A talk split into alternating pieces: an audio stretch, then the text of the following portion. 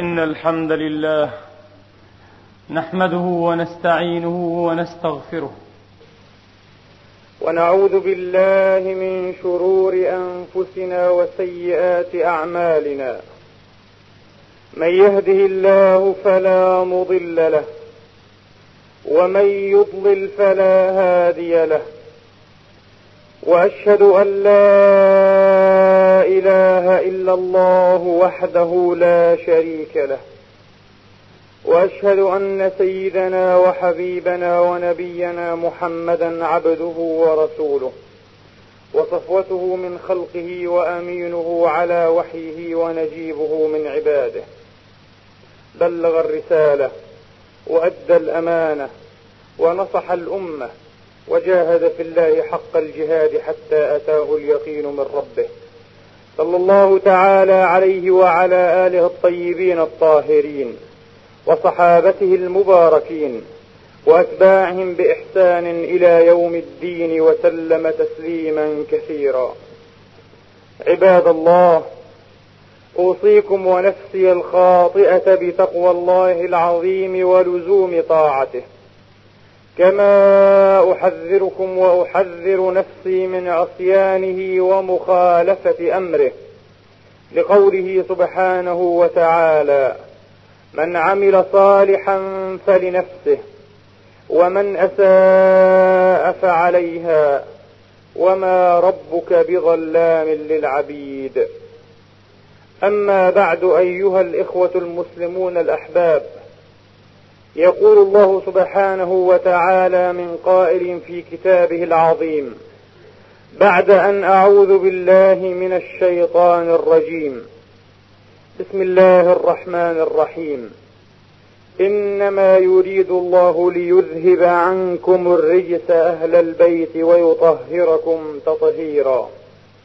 كما يقول سبحانه وتعالى في موضع آخر قل لا أسألكم عليه أجرا إلا المودة في القربى ومن يقترف حسنة نزد له فيها حسنا إن الله غفور شكور. أيها الإخوة المسلمون أهل بيت رسول الله عليهم عليهم الصلاة والسلام خير نبعة وخير فرع من خير أصل. فيهم سرت دماء رسول الله وفيهم سرت أنوار النبوة وترددت على ألسنتهم اصداؤها تميزوا بجملة خصائص وجملة مزايا لا أقول يندر بل يستحيل. أن توجد في فرع غيرهم. أن توجد في فرع أو في جماعة من الناس سواهم.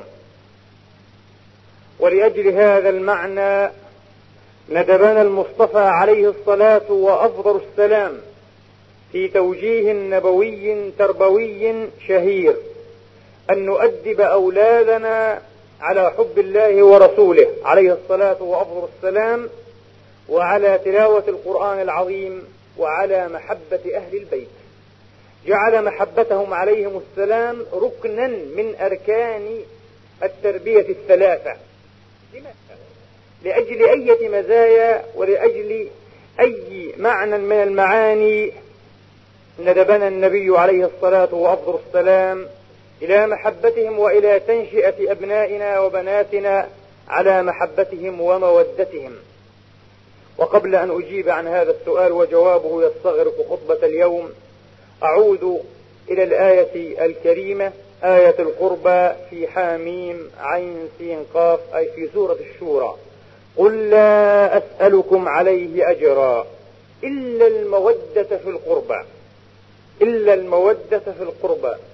وللسادة المفسرين ضمن تفسيرهم هذه الآية أقاويل كثيرة تدور في أهم في أهمها وفي مجملها على قولين اثنين.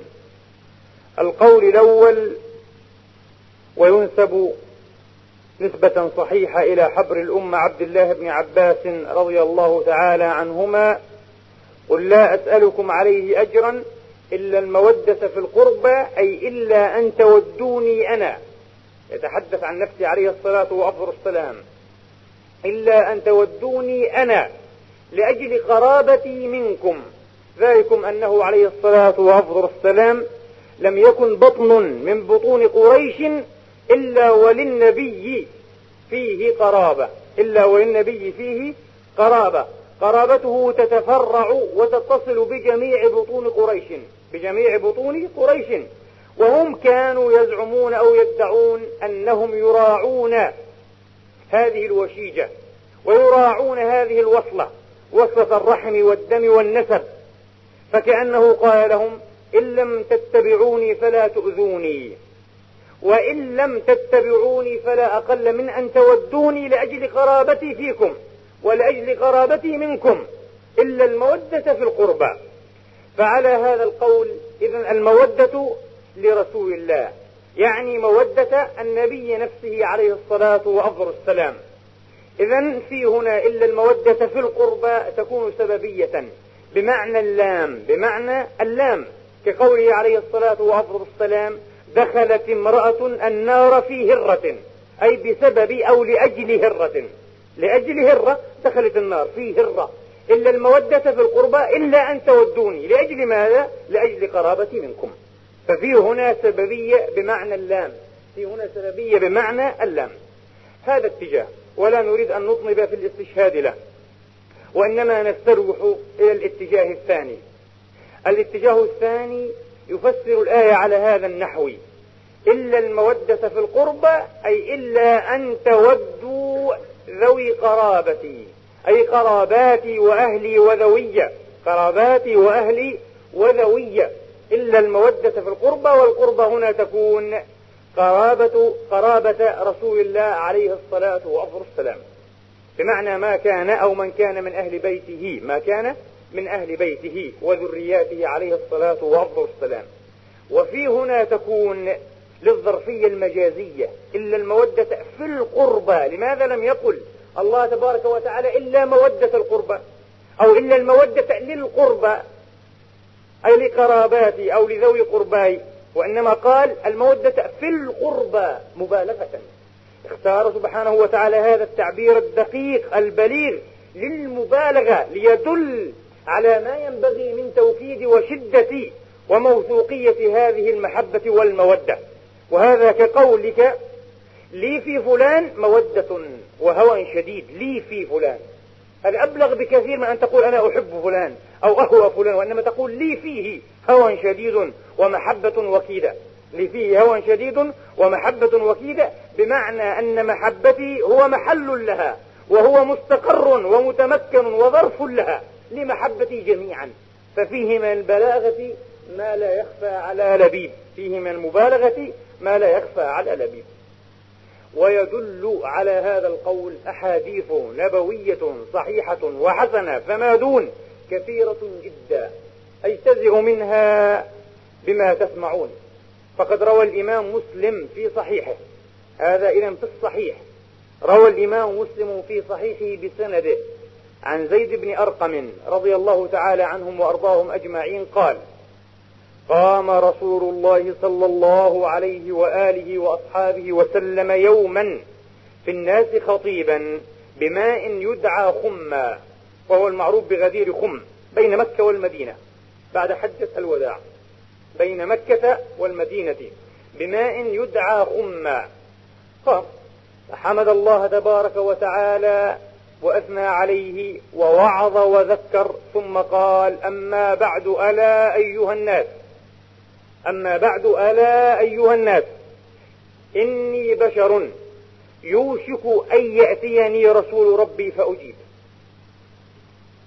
يوشك يشير إلى قرب وفاته وانتقاله عن هذا الدجور عليه الصلاة وأفضل السلام. يوشك أن يأتيني رسول ربي أي رسول من ربي يعني ملك الموت فأجيب. وإني تارك فيكم الثقلين. لن تضلوا ما تمسكتم بهما. ثقلين لن تضلوا ما تمسكتم بهما. أولهما كتاب الله تبارك وتعالى. فيه الهدى والنور. فاستمسكوا بكتاب الله. يقول زيد ثم رغب في التمسك أو الاستمساك بكتاب الله سبحانه وتعالى وحث عليه. ثم قال وأهل بيتي. هذا هو الثقل الثاني بعد كتاب الله. ترك فينا كتاب ربه عليه الصلاة والسلام وأهل بيته. الذين قصرنا أيما تقصير. ليس فقط في عرفان جميلهم ورفعة قدرهم بل حتى في معرفة هذا الجميل والتعرض له. حتى أن الإمام المقريزي صاحب الخطط الإمام المؤرخ المصري الشهير ألف كتابا في فضائل أهل البيت ذكر في مقدمته أنه ما حركه ولا أوفزه على تأليفه ووضعه إلا ما رآه من تقصير في حق أهل البيت حتى في معرفة أسمائهم ومعرفة فروعهم وذرياتهم. قصرنا كل تقصير في حق أهل بيت النبوة وأهل بيتي. الثقل الثاني أهل بيتي. ثم قال أذكركم الله في أهل بيتي. أذكركم الله في أهل بيتي. أذكركم الله في أهل بيتي. ثلاث مرار ثلاث مرار أذكركم الله أذكركم الله أذكركم الله. سنيا أو شيعيا الحديث في صحيح مسلم عن زيد بن أرقم وهذا الحديث أيضا يجهله أكثر المسلمين للأسف الشديد.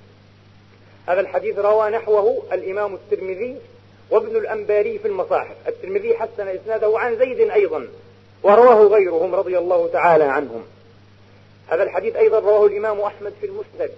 وزاد في آخره يقول عليه الصلاة وأفضل السلام بعد أن ذكر أنه ترك فينا كتاب الله وعترته أهل بيته ثم قال وإن اللطيف الخبير قد أخبرني أنهما لن يفترقا حتى يرد علي الحوض أي يوم القيامة. فانظروا بما تخلفوني فيهما في كتاب الله وفي أهل بيتي. لأن أهل بيتي لن يفترقوا عن طريق القرآن الكريم ولن يخالفوا عنه ولن يتعدوه أبدا. إن اللطيف الخبير قد أخبرني أنهما لن يفترقا حتى يرد علي الحوض. حوضه الشريف يوم القيامة. فانظروا بما تخلفوني فيهما في الكتاب وفي العترة. عليهم السلام أجمعين. روى الإمام الترمذي أيضا وصححه.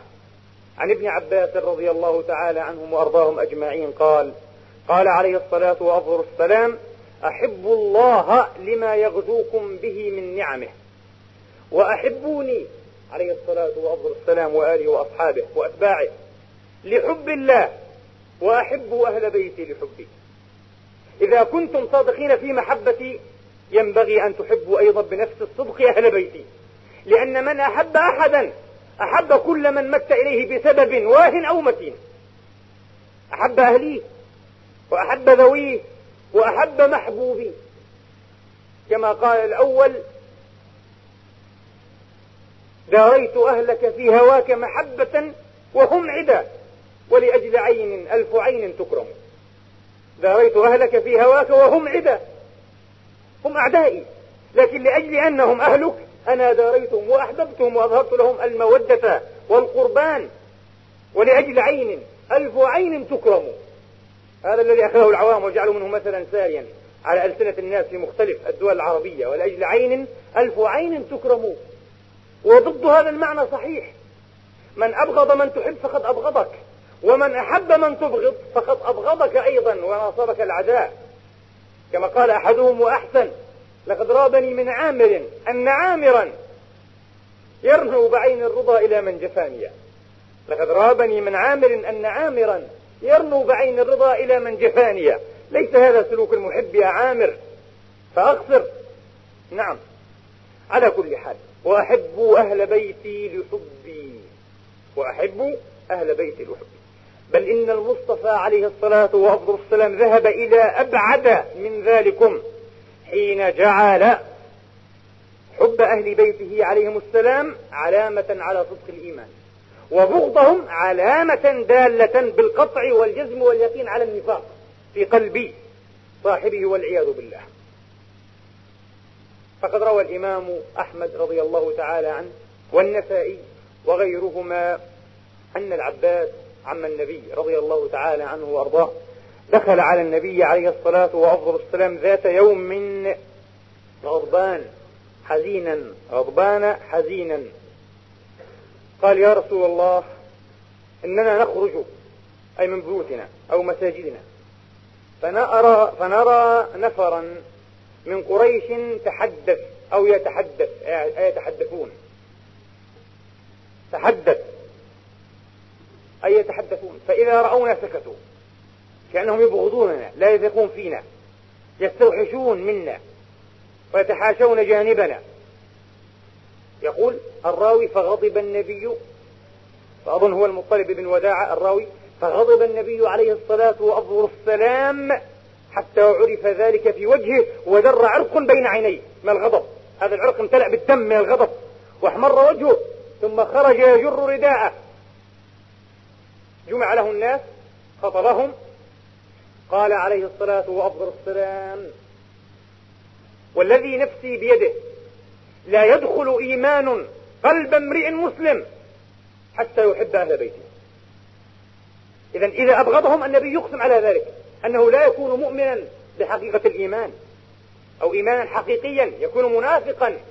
وقد صرح بهذا المعنى في مسند أحمد بن حنبل رضي الله تعالى عنه وأرضاه. يقول عليه الصلاة وأفضل السلام من أبغض أهل بيتي فهو منافق. منافق علامة دالة على نفاقه وبعده عن حقيقة الإيمان وسواء الصراط من المنافقين والعياذ بالله. كيف تبغض كما قلت في مقدمة حديثي؟ أناسا سرت فيهم دماء النبوة. كيف تبغض ذريات محمد عليه الصلاة وأفضل السلام؟ وينبغي لك أن تجلهم وأن تقدسهم وأن تكرمهم وأن يكونوا أحب إليك حتى من نفسك. كان الصديق رضي الله تعالى عنه وأرضاه. كما في صحيح البخاري يقسم ويقول والذي نفسي بيده لقرابة رسول الله صلى الله عليه وآله وأصحابه وسلم أحب إلي أن أصل من قرابتي. أحب قرابات رسول الله أكثر مما أحب أبنائي وبناتي وذوي قرباني. ويقسم على ذلك وهو صادق رضي الله تعالى عنه وأرضاه. ولقد يزعم نفر من الأغرار الذين لا علم لهم ثابتا بشريعة المصطفى عليه الصلاة وأفضل السلام لماذا هذه المبالغات؟ وهل ينفع نسب محمد ذوي محمد عليه الصلاة وأفضل السلام إن أساءوا وإن عدلوا؟ وهذا السؤال فيه نوع من قلة الأدب ومن الجراءة على مقام النبي عليه الصلاة وأفضل السلام. فقد روي أن عمته صفية بنت عبد المطلب رضي الله تعالى عنه وأرضاه النبي كان بارا بها يبرها ويحبها ويكرمها جدا. دخلت عليه ذات يوم وقد توفي لها ولد صغير فجعلت تبكي. فقال لها يا عمة تبكين؟ إن من توفي له ولد ذكرا كان أو أنثى ولد. إن من توفي له ولد جعل له بيت أو قال قصر في الجنة يسكنه. لماذا تبكين؟ فاستبشري فسكتت واستبشرت. ثم خرجت. فلقيت أحد الناس أو لقيها أحد الناس. فقال لها وما تغني قرابة محمد؟ عن أحد ما تغني. حتى إن كنت أنت أو كان ولدك من قرابات محمد. فما تغني عنكم هذه القرابة. يعني رجل يجعل من نفسه على سواء الصراط الاستمساك فقط. هذا كما قلت فيه نوع من البعد عن الأدب. واحترام مقام النبوة وينبغي لها من الحجمة والتوقير والتعزيز الكامل. فجعلت تبكي آذتها جرحتها هذه الكلمة النابية الطائشة. فجعلت تبكي فسمع النبي بكاءها ففزع.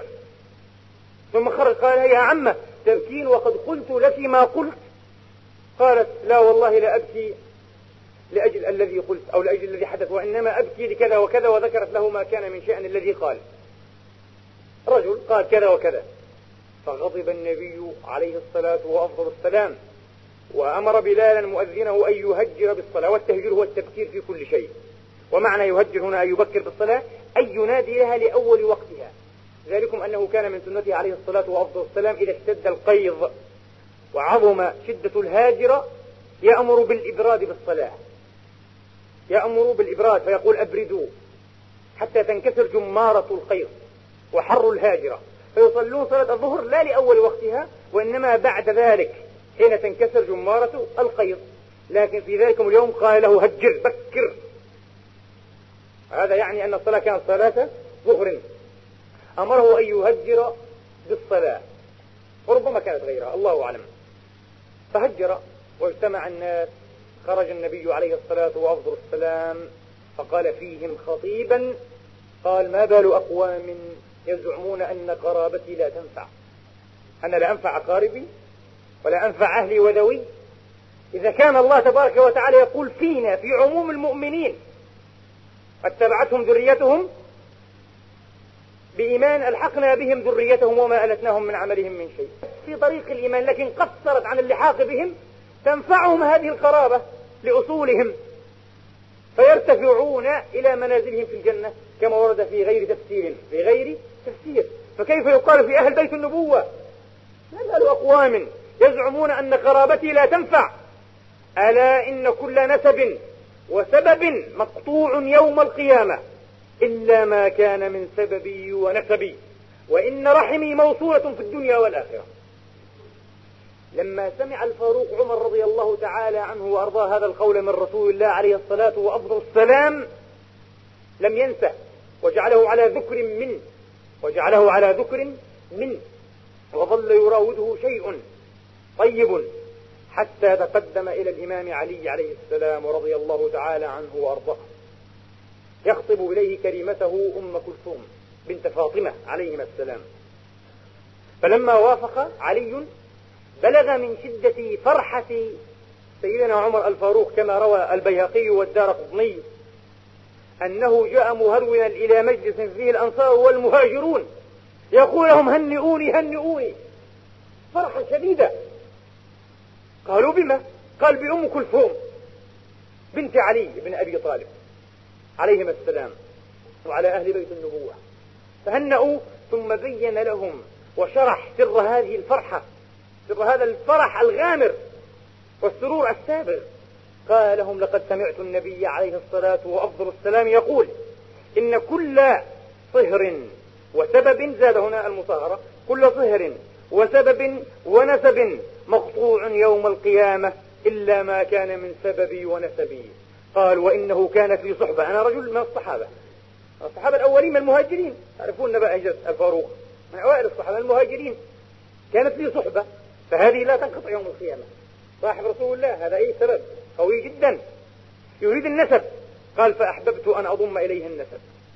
فأناسب رسول الله ذريات رسول الله. فيكون لي سبب لا ينقطع ونسب لا ينقطع وهنيئا لعمر رضي الله تعالى عنه وأرضاه. ونقول للمرجفين الذين يهرفون بما لا يعرفون أجيبونا بجواب واحد مقنع.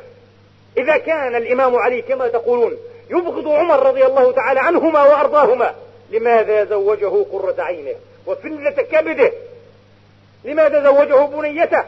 وقد كان شيخا كبيرا في السن وكانت هي في ميعة الصبا لأول عهدها بالحياة.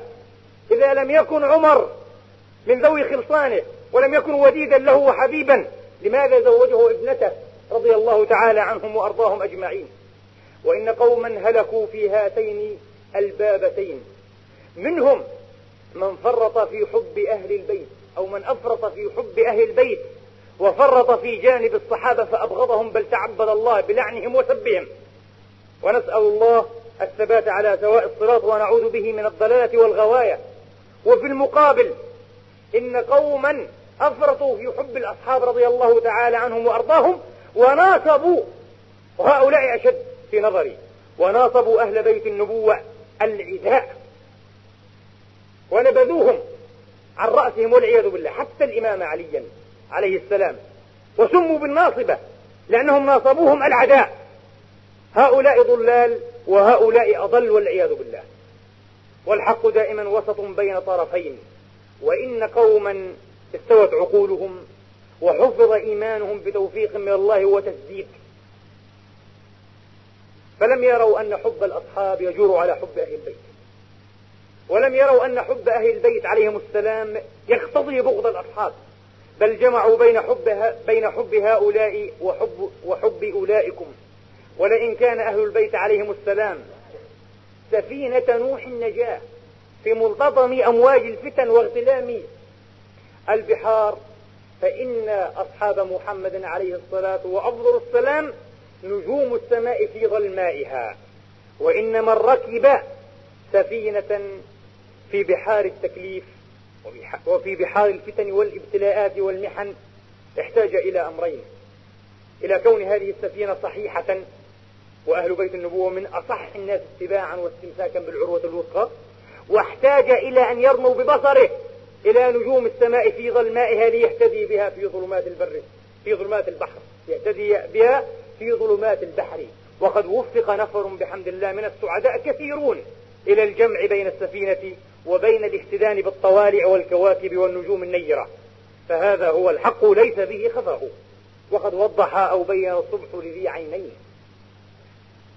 لكن نحن لنا وقفة مع الذين يتدينون ببغض أهل البيت. ومع الذين لا يتدينون وإنما يجهلون أهل البيت. لذا لا يحبونهم. وإن أحبوهم إنما يحبونهم بالكلام. نحن نحب أهل البيت. فما الذي تعرفه عنهم؟ لا يعرف حتى مجرد أسمائهم. لا يعرف إلا علي والحسن والحسين وفاطمة. من تعرف بعد ذلك لا يعرف أحدا. ماذا تعرف من سير هؤلاء؟ لا يعرف شيئا من سيرهم وهو يحب أهل البيت.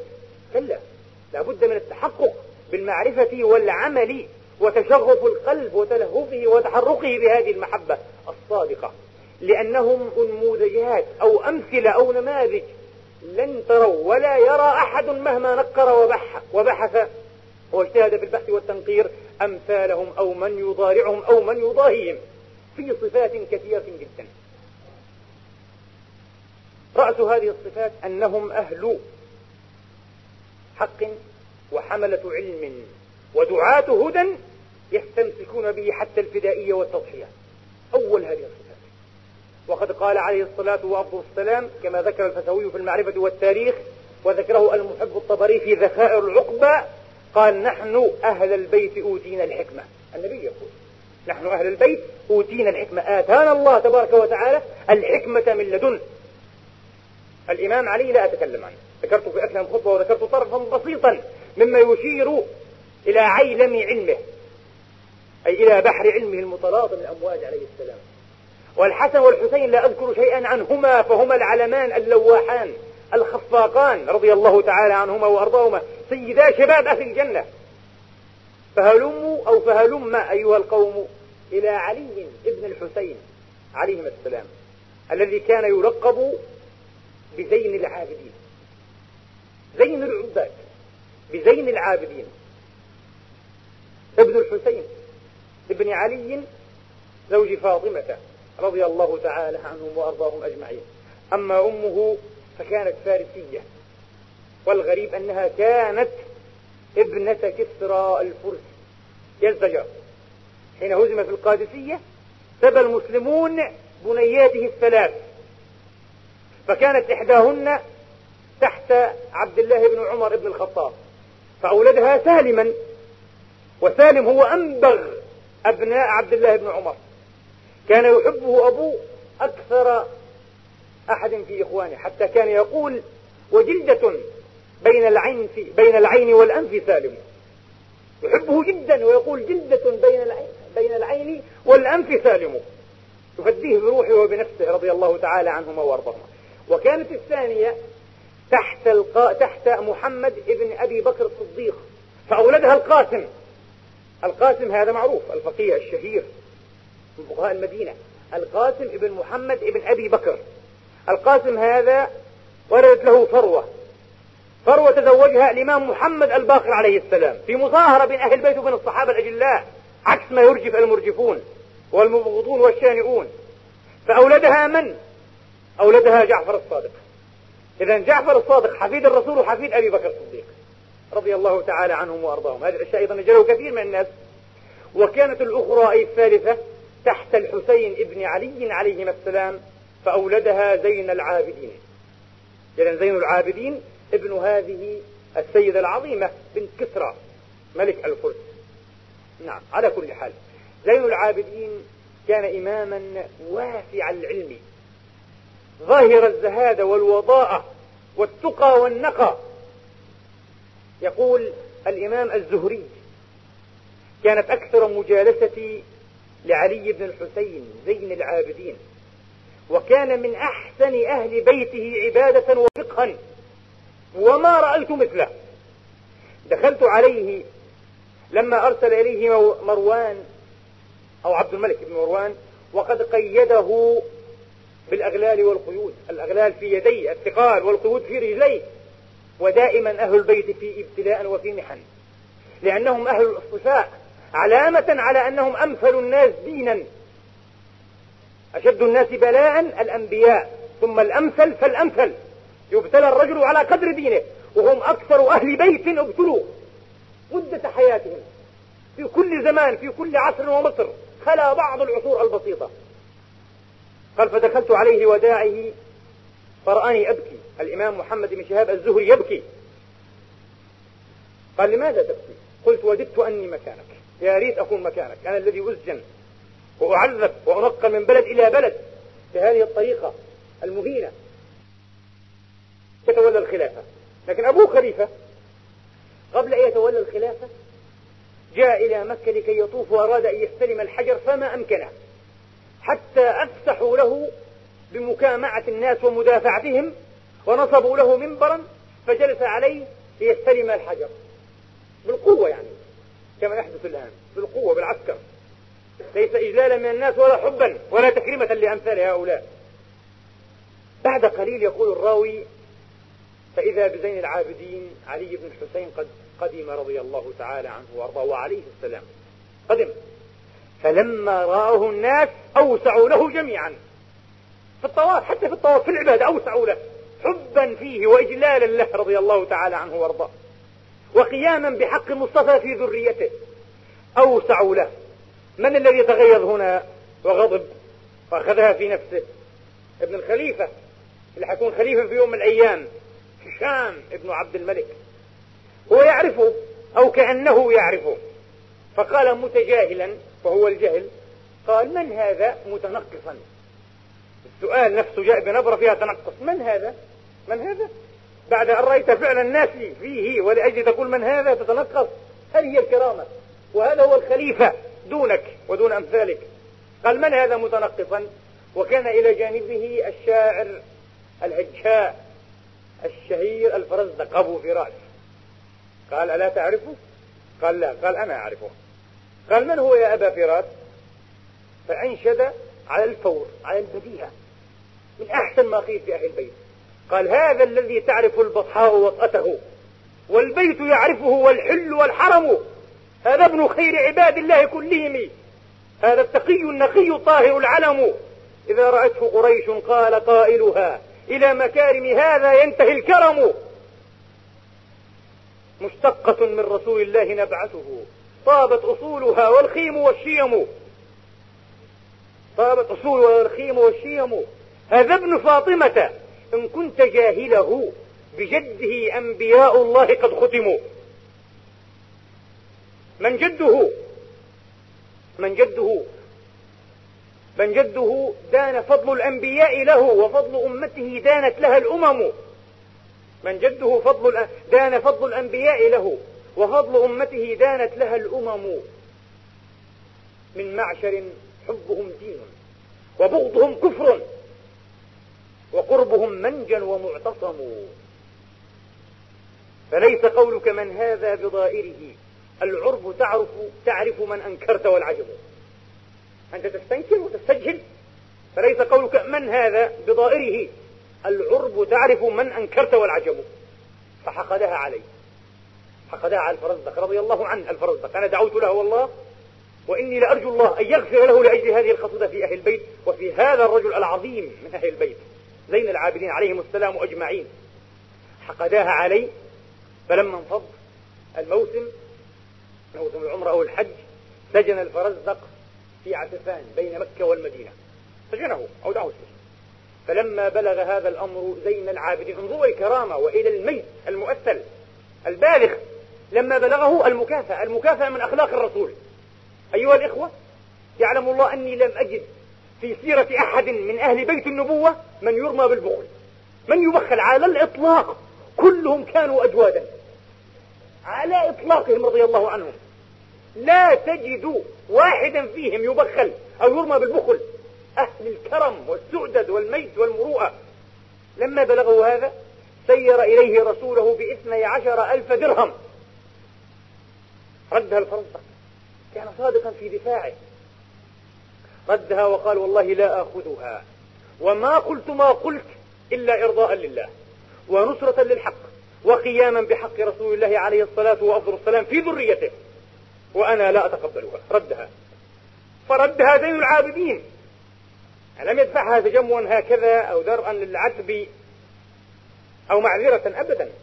عن كرم ردها مرة أخرى قال قد علم الله صدق نيتك فيما قلت وأقسمت عليك بالله لتقبلنها. فتقبلها منه. هذا زين العابدين دخل ذات مرة على رجل فوجده مهموما مكروبا. قال ما الذي أهمك؟ قال دين علي غليظ قال كم عليك قال ستة عشر ألف. قال يا فلان اصرفها له. من مرتبه من نقوده مباشرة صرفها له. كرم غريب. وأما الزهاد والعلم والتقى فحدث ولا حرج. زين العابدين هذا له أولاد كثر أو كثيرون. منهم الإمام الباقر. الأخ الأكبر للإمام زيد. الآن أهل اليمن على مذهب الإمام زيد هذا. زيد بن زين العابدين. زيد والباقر. الباقر كما في تاريخ ابن كثير رحمة الله تعالى عليه ما لقب بهذا اللقب إلا لأنه بخر العلم بخرا. فتح بطن العلم كله وناله فسمي الباقر لأنه بخر العلم. عالم غريب. قليل منكم أو منا من يسمع بالباقر هذا. من هو الباقر؟ إمام عظيم ابن زين العابدين. يقول الشيخ المرحوم الإمام محمد أبو زهرة رحمة الله تعالى عليه الإمام المصري الشهير. يقول ما كان ينزل أحد المدينة المنورة إلا ويقصد الإمام الباقر يتتلمذ له. يعني يتتلمذ عليه. يتتلمذ له ويأخذ ويحمل عنه من علمه. عنده علم كثير. وممن تتلمذ له الإمام المحدث الواعظ الزاهد سفيان الثوري. مشهور سفيان الثوري. وهو الإمام الخامس عند أهل السنة. يلقب بالإمام الخامس بعد الأربعة. تتلمذ للإمام الباقر. وممن تتلمذ له فقيه مكة ومحدثها سفيان بن عيينة رضي الله تعالى عنهم. تتلمذ الإمام الباقر وأيضا تتلمذ له بعض شيء الإمام الملقب بالأعظم أبو حنيفة رضي الله تعالى عنه وأرضاه. وجرت بينهما مناظرة مشهورة في القياس والاتباع. في القياس والاتباع. اطمأن إثرها الإمام الباقر وذهب ما كان يجده في قلبه تجاه أبي حنيفة من الأقاويل والأراجيف وقام وقبله بين عينيه. قبل أبا حنيفة. تواضعا أيضا منه من هذا الإمام الكبير الإمام الباقر وأما أخوه الإمام زيد هذا غريب. يقول فيه أيضا الإمام المرحوم أبو زهرة رحمة الله تعالى عليه يقول وما أجمعت الأمة على شيء كإجماعها من سنية وشيعية ومرجئة ومعتزلية على إمامة الإمام زيد بن زين العابدين في العلم الشرعي. إماما لا ينازع في إمامته. كل الأمة بمختلف طوائفها فما الذي نعرفه عن هذا الزيد لا نعرف أيضا. إلا ما لا يبل الرمق كصبابة الإناء. تجهيل متعمد بأهل بيت النبوة. تجهيل. فكيف نربي أبناءنا على حبهم؟ ما الذي نعرفه من خلالهم وخصالهم وخوالدهم ومآتيهم وممادحهم؟ لا نعرف ما يتعلق به أو يصلح لأن يتمسك به. أبو حنيفة عندما خرج زيد خرج على الحاكم الخروج في الاصطلاح القديم يعادل الثورة في عصرنا. نقول ثار هم يقولون خرج. عندما خرج الإمام زيد وقد صدع في الناس وصدح فقال ندعوكم إلى اتباع كتاب الله وإحياء إمامات من السنن وإماتة البدع. فإن تتبعونا فقد أفلحتم وإن تتولوا فما أنا عليكم بوكيل. هذه خطبة الثورة. لا أريد أكثر من ذلك. مش الهدف الرئاسة ولا الكرسي ولا المنبر ولا الخلافة. الهدف اتباع كتاب الله تبارك وتعالى. وإحياء ميت السنن وإماتة البدع الحية المشعبة بأعناقها المستوفزة أمام السنن بجيشها اللي جب. فإن تتبعونا تفلحوا وإن توليتم فما أنا عليكم بوكيل. خذله الناس كما خذلوا جدة. خذلوه فقتل شر قتلة ورصد بل وصلب على الصليب أياما ابن رسول الله عليه الصلاة والسلام. أبو حنيفة نفسه الإمام الأعظم رضور معه. لكن اعتذر بعذرين. قال لأني أعلم أن الناس يخذلونه كما خذلوا جده. أعرف ذلك وأنا أعرف أهل العراق هو عراقي. أبو حنيفة في الكوفة فقيه الكوفة. أعرف أن الناس يخذلونه. ولأجل أمانات عندي كثيرة للناس عرضتها على ابن أبي ليلى قاضي القضاة فلم يقبل. فأخاف أن أموت مجهلا. تبقى هذه الأمانات والودائع. لكنه بعث إليه بعشرة آلاف درهم. معروف هذا عن أبي حنيفة. ناصر الثورة الزيدية بعشرة آلاف درهم. لذا في مقاتل الصليبيين لأبي الفرج الأصفهاني مؤرخ الشيعة الكبير ومؤرخ أهل البيت أبو الفرج الأصفهاني يذكر عن الإمام جعفر الصادق عليه السلام ورضي الله تعالى عنه وأرضاه يقول رحم الله أبا حنيفة لقد كان صادقا في مودتنا بما وصلنا. لما خرجنا هو كان صادقا في تحقيق المودة لأنه وصلنا بنقود. إذن هو كان من أنصارنا ومن أحبابنا ومن مؤيدينا. هذا الإمام زيد عالم كبير من أكبر العلماء. تتلمذ له أيضا جملة من العلماء. تتلمذ له الإمام مالك وطبقة مالك والتي منها أيضا سفيان الثوري وسفيان ابن عيينة. وتتلمذ له الإمام أبو حنيفة سنتين. سنتين كاملتين يجلس بين يدي زيد ابن زي العابدين يأخذ عنه علم الشريعة. علم المصطفى والكتاب. أيضا هذا من المجهول لدينا. نعرف أبا حنيفة ولا نعرف أساتيذ أبي حنيفة. هذا من أساتيذه. رحمة الله تعالى على الجميع. أهل البيت أيها الإخوة الأحباب عصمة ونجاة لهذه الأمة ما استمسكوا بطريقهم. أهل البيت نموذج ومرآة تعكس البطولة في أسمى وأرقى صورها. أبطال كلهم أبطال. لا تجد جبانا رعديدا متخلفا قاعدا خوارا في أهل البيت. حتى الذين قعدوا إنما قعدوا يتأهبون. وقعدوا لعذر عذرهم به التاريخ والناس والله. لكن لا تجدون أحدا فيهم يجبن أو يخاف إلا الله تبارك وتعالى. أبدا. ولذا لا أظن أن شيخ الأزهر المرحوم عبد الحليم محمود رحمة الله تعالى عليه كان مبالغا حين قال ولو أن هذه الصفحة البطولية صفحة الإمام علي بن أبي طالب رضي الله تعالى عنه وأرضاه لو أنها لم تكن في تاريخنا لما وجدنا البطولة في أسمى صورها في هذا التاريخ. الصفحة الوحيدة التي تتجلى فيها البطولة في أسمى صورها. يعني مثلا من قرأ كتاب الفيلسوف الإنجليزي كارلايل هذا الأبطال وعبادة البطولة كتاب جميل في مجمله يذكر البطولة في شكل فيلسوف في شكل نبي حتى في شكل إله والعياذ بالله وهذا طبعا من من تهريف الغربيين. في شكل ثائر في شكل منظر في شكل في شكل. الإمام علي بطل في صور كثيرة. هو عالم بطل. وهو إمام بطل. يعني خليفة رئيس حاكم دولة بطل. وهو واعظ بطل. وهو إنسان بطل. وهو تلميذ في مدرسة محمد بطل متبع. رضي الله تعالى عنه وأرضاه. رجل عز نظيره. قال لو فقدت هذه الشخصية؟ إذا لعز في تاريخنا أن نجد البطولة في أسمى صورها.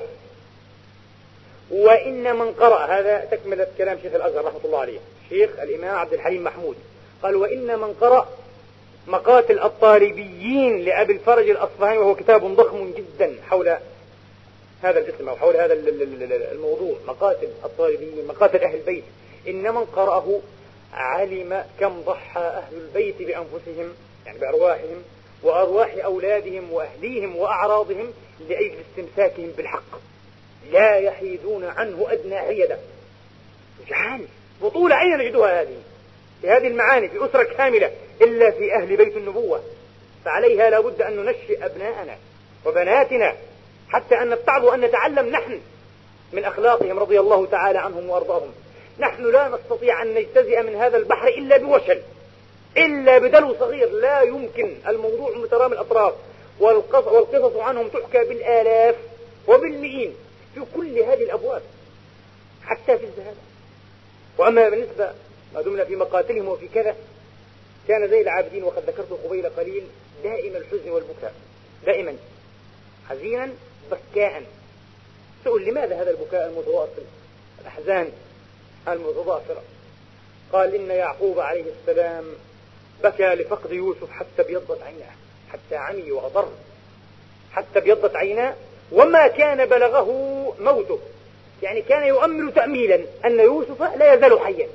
لم يكن على يقين أن يوسف قد مات وكان يعلم. وقال أعلم من الله ما لا تعلمون. يعلم أن يوسف لا يزال حيا. لكن لبعده وهو نبي من الأنبياء العظام بكى عليه حتى بيضت عيناه من الحزن وهو كظيم. قال كيف لا أبكي أنا وكيف لا أحزن؟ وقد رأيت مصرع اثني عشر